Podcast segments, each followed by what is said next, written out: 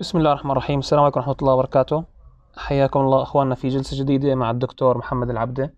هاي الجلسة رح نحكي فيها عن سيدنا عمر بن الخطاب. لكن ربما من زاوية مختلفة. وبكلامنا اليوم رح نحكي عن مبحث حكى فيه الدكتور بكتابه دروب النهضة سماه تحت آه، عنوان إنجازات عمر الحضارية. فموجود معنا الدكتور محمد العبدي بنرحب فيك دكتور محمد؟ أهلا وسهلا. أهلا حياكم الله. دكتور محمد في كتابك حاولت تتناول هذا الجانب اللي هو الجانب الحضاري من سيدنا عمر بن الخطاب اللي انت قدمت له انه ربما الكثير ما بيعرف هي الأمور عن سيدنا عمر. وافردت بنود لهذا الموضوع. مثلا كتبت في موضوعه كيف طور القضاء كيف كان اهتمامه ببناء المدن كذا. طبعا نحن بنعرف إنه رافق آه، خلافة سيدنا عمر فتح بلدان كبرى وتوسع بالخريطة الإسلامية بشكل ملحوظ. التوسع هذا أكيد رافقه قيادة على مستوى حتى يقدر يسيطر على هي الدولة. لو تتفضل تشرح لنا الفكرة اللي حابة توصلنا إياها إنه كيف كيف سيدنا عمر قدر يضبط هذا الموضوع؟ بسم الله الرحمن الرحيم. الحمد لله والصلاة والسلام على رسول الله. طبعا ال- ال- الموضوع فعلا مثير لل واحد يهتم فيه ويعرفه بالتفاصيل أيضا إنه كيف يعني هذا الاهتمام بأشياء أساسية في الدولة يعني في أمور الدولة وتنظيم الدولة الحاضر والمستقبل. ما هذا الاهتمام مثلا بالطرق بالزراعة بالصناعه بالزراعة بالأنهار يعني بهموم الناس بمعيشه الناس؟ يعني ما هذا الاهتمام؟ ليس فقط إنه هو فتوحات فقط أو معروف إنه مثلا مشهور رضي الله عنه بالعدل مشهور بانه فقيه آه، أيضا عالم يعني يستنبط مجتهد. لكن في قضايا تتعلق بما يسمى اليوم البنية التحتية يعني شيء أساسي للدولة للناس كيف يعيشوا بحياتهم الدنيوية يعني. يعني الحد الأدنى من ال- الحياة الدنيوية المقبولة يجب أن تكون للإنسان المسلم هذه الناحية أحب يعني أفرزتها ويعني لفتت انتباهي يعني لدراستها بشخصية عمر رضي الله عنه لأنه كثير دائما لما يذكر عمر يذكر عده يذكر شخصيته القوية يذكر دخوله في الإسلام وكيف كيف يعني قوي الإسلام بعد إسلامه. والفتوحات التي حدثت في عهده ويعني ومرافقته للرسول صلى الله عليه وسلم يعني بعد إسلامه بشكل دائم هو وأبو بكر. هذه معروفة يعني لكن هذا الجانب يتعلق بهموم الناس وحياة الناس يعني الضرورية في حياتهم الدنيا. حبيت أن أبرز هذا الجانب يعني مو فقط الدول أحيانا يعني الدول الاستبداديه والدول ال- لا تهتم بهذا الجانب للإنسان. يعني حتى أحيانا يعني المؤ- المؤسسات الإسلامية قد لا تنتبه إلى أهمية هذا الموضوع أهمية هذه الناحية ناحية ال- الأمور الدنيوية التي لا بد منها للمسلم للإنسان حتى يتقن أيضا أمور يتقن أيضا يساعد على إتقان اموره الاخرويه أيضا. دكتورنا في أكيد يعني اتساع رقعة الدولة الإسلامية على يعني على زمن سيدنا عمر يعني رافقوا يعني معناتها أموال كبيرة صارت تفوت على الدولة معناتها جغرافيا كبيرة صارت تفوت على الدولة. صار في عنا تحديات لهي الدولة اللي هي دولة الإسلام الناشئة يعني. وأنت ذكرت إنه ربما أول مشكلة صادفت سيدنا عمر اللي هي موضوع أراضي العراق. أراضي جنوب العراق يعني شمال ال- شمال المدينة جنوب العراق. حاب أسمع منك كيف سيدنا عمر عالج هذا الموضوع يعني؟ يعني هذه هذه من النواحي اللي اللي حكينا عنها في البداية أنه أنه سيدنا عمر ينظر نظرة حقيقة كما يقال اليوم استراتيجية آه، نظرة عميقة جدا للمستقبل لواقع الناس والبشر وكدولة كمؤسس كمؤسس للدولة يعني مؤسس للدول. طبعا لما فتح العراق المنطقة اللي هي ما بين جنوب بغداد إلى البصرة اي المنطقة الجنوبية هذه إلى البصرة سم- سميت سواد العراق. سميت سواد لأنها خضراء يعني شدة الخضار فيها. لون شدة شدة يعني ما فيها من زراعة من نخيل سميت سواد. طبعا هذه لما فتحت على أساس أنه الفاتحون يريدون أن يقتسموا الأرض. هو هذه ما أعجبه هذا يعني كيف الفاتح يقتسم الأرض؟ تصير الأرض الأرض كبيرة جدا مساحات هائلة. تكون لناس حتى لو كانوا مهما كان. ثم تورث تصبح يتوارث الأبناء عن الآباء. ما أعجبه هذا. فاقتر استشار الصحابة. طبعا. هو طبعا يستشير الصحابة عنده. الصحابة الكبار موجودين حوله مثل علي رضي الله عنه عبد الرحمن بن عوف الزبير إلى آخره. فبقي يستشير الصحابة ثلاثة أيام. أنه هو رأيه انه الأرض تبقى آه، لأهلها يعني يشتغلون بها وتصبح الأرض وقف للمسلمين وقف للمسلمين للأمة الإسلامية. يعني في في في عصره وما بعد عصره. أصبحت وقف للأمة الإسلامية. وتزرع وتشتغل بها ويفرض عليها الخراج ضريبة يعني. وهذا الخراج يأتي لبيت المسلمين فيستفيد منه المسلمون ككل ككل. هذا رأيه. عارضه بعض الصحابة. ومن الذين عرضوه عبد الرحمن بن عوف وبلال سيدنا بلال وأيده عثمان وعلي رضي الله عنهما. فأخيرا استقر رأيه على على أن لا لا يقسم الأرض هذه وتبقى وقف للأم للأمة الإسلامية. هذه نظرته طبعا نظرة عميقة جدا أن يفكر في المستقبل الأجيال المسلمين. وكان يقول من للذر للذرية؟ يعني بعدين يجي أولاد وأولاد وبعدين من كيف كيف يعني كيف يساعدون كيف يعني كيف يعملون. إذا كانت الأرض أصبحت إقطاع لعدد محدود من المقاتلين. فهذا هذا يعني نظرته هو للمال أهمية المال. طبعا حتكون نظرته للمال في أمور أخرى اللي هو ديوان العطاء اللي هو يعني مثل الضمان الاجتماعي للمجتمع الإسلامي. أيضا حنشوف إنه كيف هو نظرته للمال.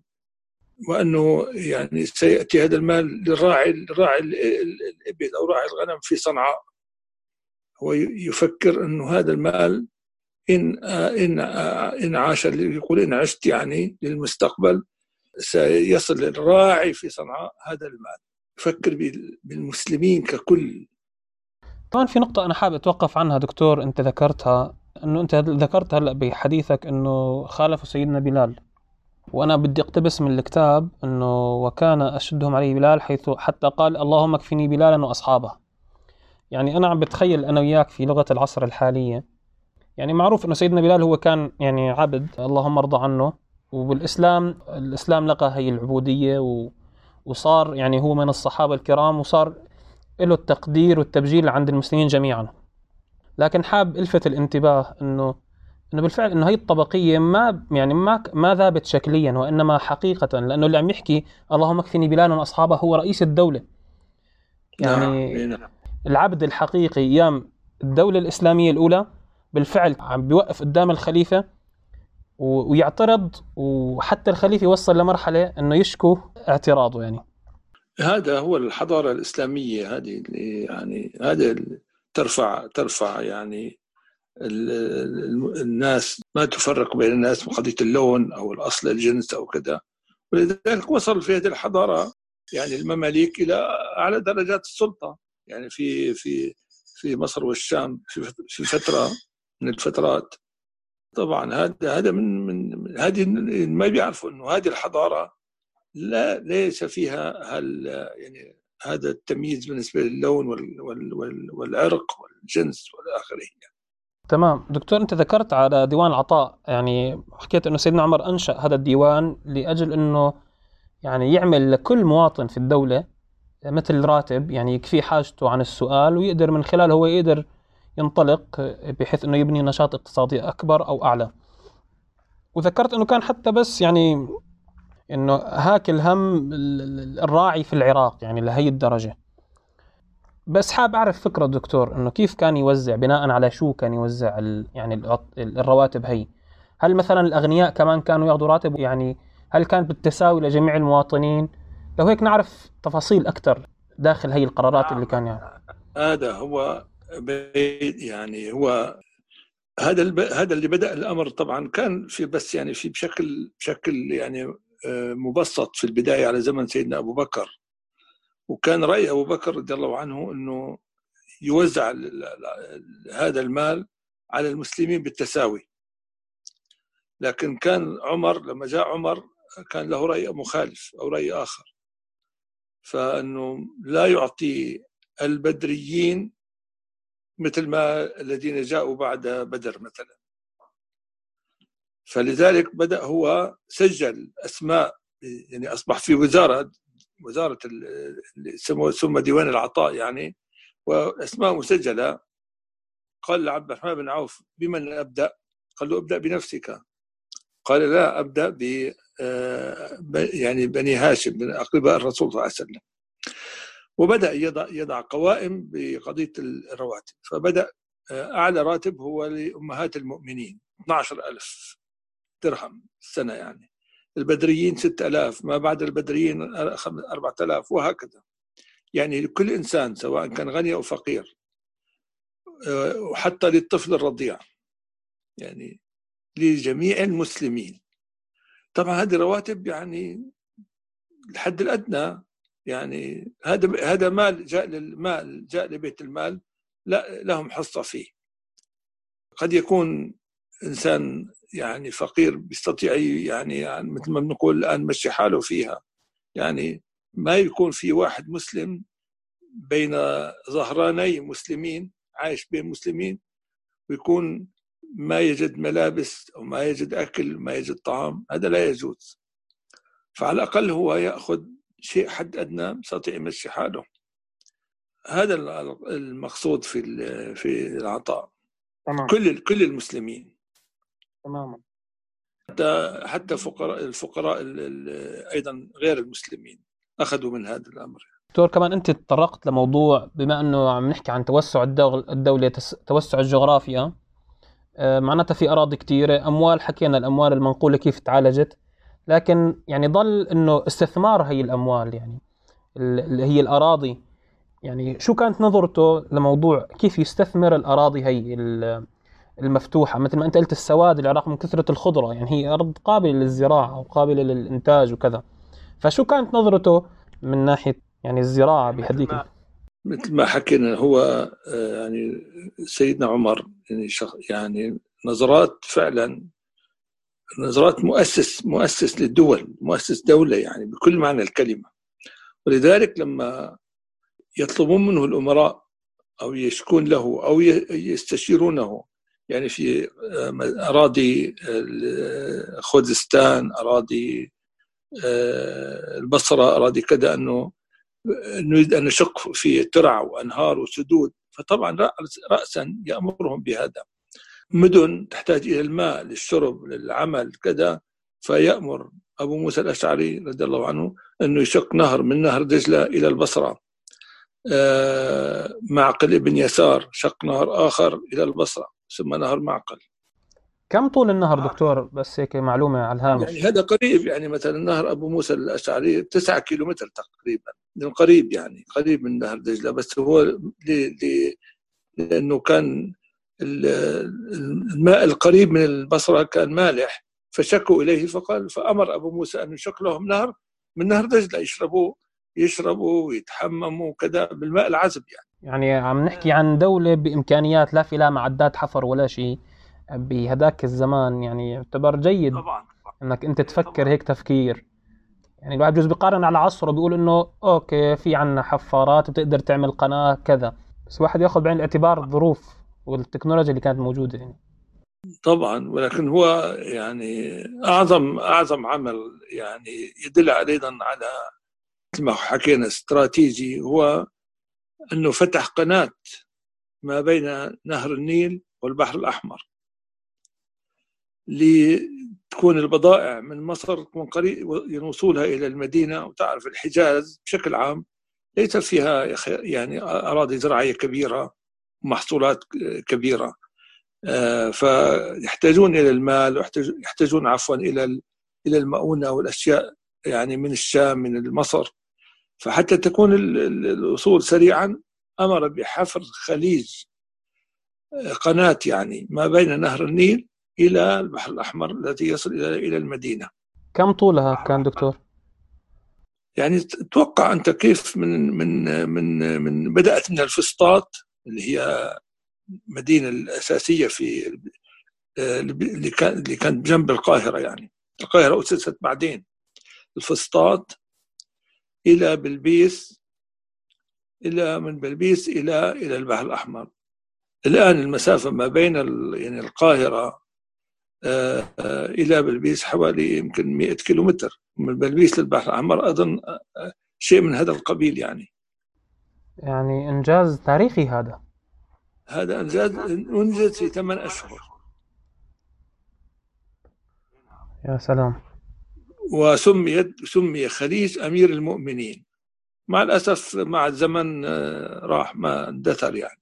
ما ما يعني ما في شخص حكام مثل سيدنا عمر يهتمون يعني بهذه الأمور الأساسية للبشر للناس الأمور البنية التحتية هذه. دكتور في كثير يعني ملاحظة هلأ هيك عم تتوارد بذهني.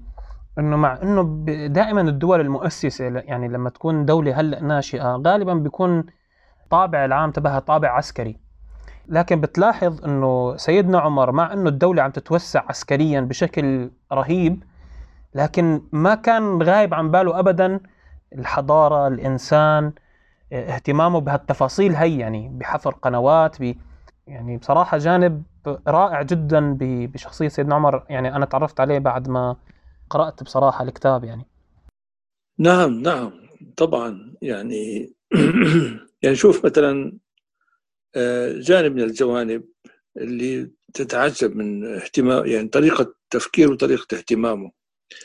رأى الجنود الراجعون من الجهاد يعني أخذين ما يقال اليوم يأخذين إجازة وراجعين للمدينة. ما أعجبه يعني وجوههم مصفره وهكذا يعني شكلهم. كأنه في تعبانين أو في مرض أو شيء.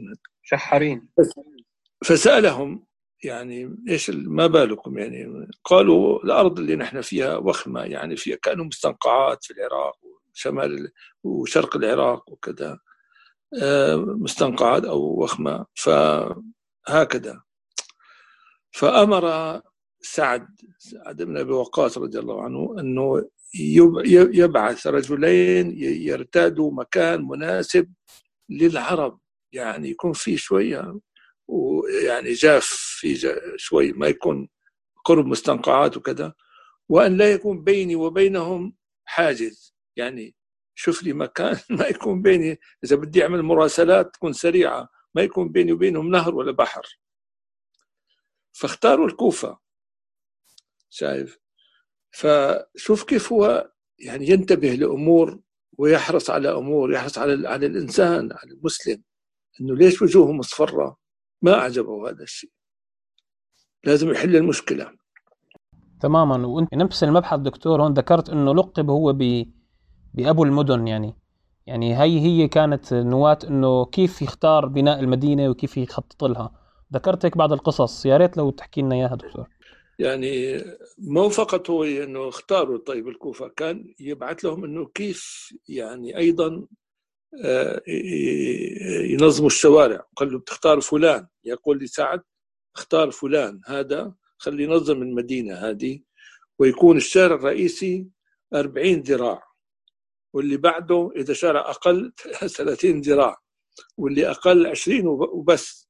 نقف عند 20 ما تعملوا شوارع أصغر من 20 شوف كيف يتابع هو ويخطط أيضا. يعني تفاصيل يرسلها من عنده من المدينة تفاصيل الأمور هذه. وهذا يعني إذا رجعنا للفتوحات آه، كان رستم قائد الفرس يقول أكل كبدي عمر. يعني إيش هذا؟ طبعا بالنسبة للفرس يعني إنه عمر هذا إيش هذا؟ عمر بالنسبة لهم يعني بدوي بدوي يقعد في المدينة. كيف؟ كيف يكسر ظهر الإمبراطورية الفارسية وهو بالمدينة؟ وهو بالمدينة. فلاحظ وهو بالمدينة يخطط لهم آه، الشوارع. ويعرف كل شيء أيضا. دائما يحب أن يعرف كل شيء. ارسلوا لي ابعثوا لي كذا كذا. شوف اهتمامه بالطرق. يعني إذا كان يقول لو, لو عثرت شاة على شط الفرات لخفت أن أكون مسؤولا عنها. يعني هو مسؤول مو بس عن الإنسان عن الحيوان كمان يكون الطرق ممهدة. فإيش في التفكير هذا انه يكون الطرق؟ لأنه هذا مهمه جدا قضية الطرق. لأنه هذا يساعد المزارعين يساعد التجار انه يكون طرق ممهدة. وفي محطات في الطريق أيضا للراحة وإلى آخره. شوف شوف التفكير. ولذلك أنا نقلت هنا أنه أحد الأساتذة في جامعة أمريكا يقول آه، نحن نشكر يعني يقول أيزنهاور آه، أعظم أعماله مش انتصاره في الحرب العالمية الثانية لأنه كان هو قائد قوات الحلفاء. لا أعظم أعماله هو الطرق اللي فتحها في أمريكا. فقضية الطرق اللي كانت يعني بذهن عمر إنه يصلح الطرق تكون ممهدة للتجار للمسافرين للرعاة إلى آخره. فايضا شيء عظيم جدا يعني. أه، بجوز باخر بختام أه، البحث دكتور كمان أنت ذكرت إنه اهتمامه بال بالفرد كفرد يعني لأنه هو الفرد بالنهاية هو عماد حرية الفرد تحديدا. هيك ذكرت قصة أو هيك ملاحظة. فاهتمامه بالمدن لم ي... لم يغب عنه انه يهتم ب... بالمواطن تبعه بمواطن الدولة هي فيها. حاب هيك نسمع منك دكتور هيك كلمة بهاي ال... نعم أيضا هنا هنا أيضا شيء يعني أيضا نرى إنه يعني شيء مهم جدا أيضا يعني في آه، في في الدولة. نحن نتكلم كيف كيف هذا في الدولة كيف دولة إسلامية. يعني اولا يقول أن للمسلمين أنا آه، أرسل لكم الأمراء سموهم العمال.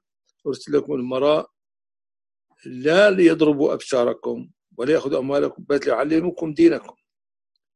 ويقول للأمراء لا تضربوا أبشار الناس فتذلوهم. هذه نقطة مهمة جدا. يقول للأمراء المناطق يعني ما يسمى الآن المحافظين محافظ منطقة كذا يقول لأمراء المنطقة ممنوع تضربوا الناس لأنه إذا ضربتوهم بصيروا أذلاء فهنا أريد أن يكون المسلم شخصية قوية جدا شخصية معتز بالإسلام معتز بنفسه ما يكون ضعيف لأنه الاستبداد والضرب يذل الإنسان يصبح ذليل. وإذا أصبح ذليل ممكن يعني يصير يتعود بعدين على السكوت عن عن عن الباطل يتعود على النفاق يتعود على الكذب إذا أصبح دليل. فهنا عمر يريد يريد بالدولة الإسلامية أن يكون الإنسان شخصية قوية.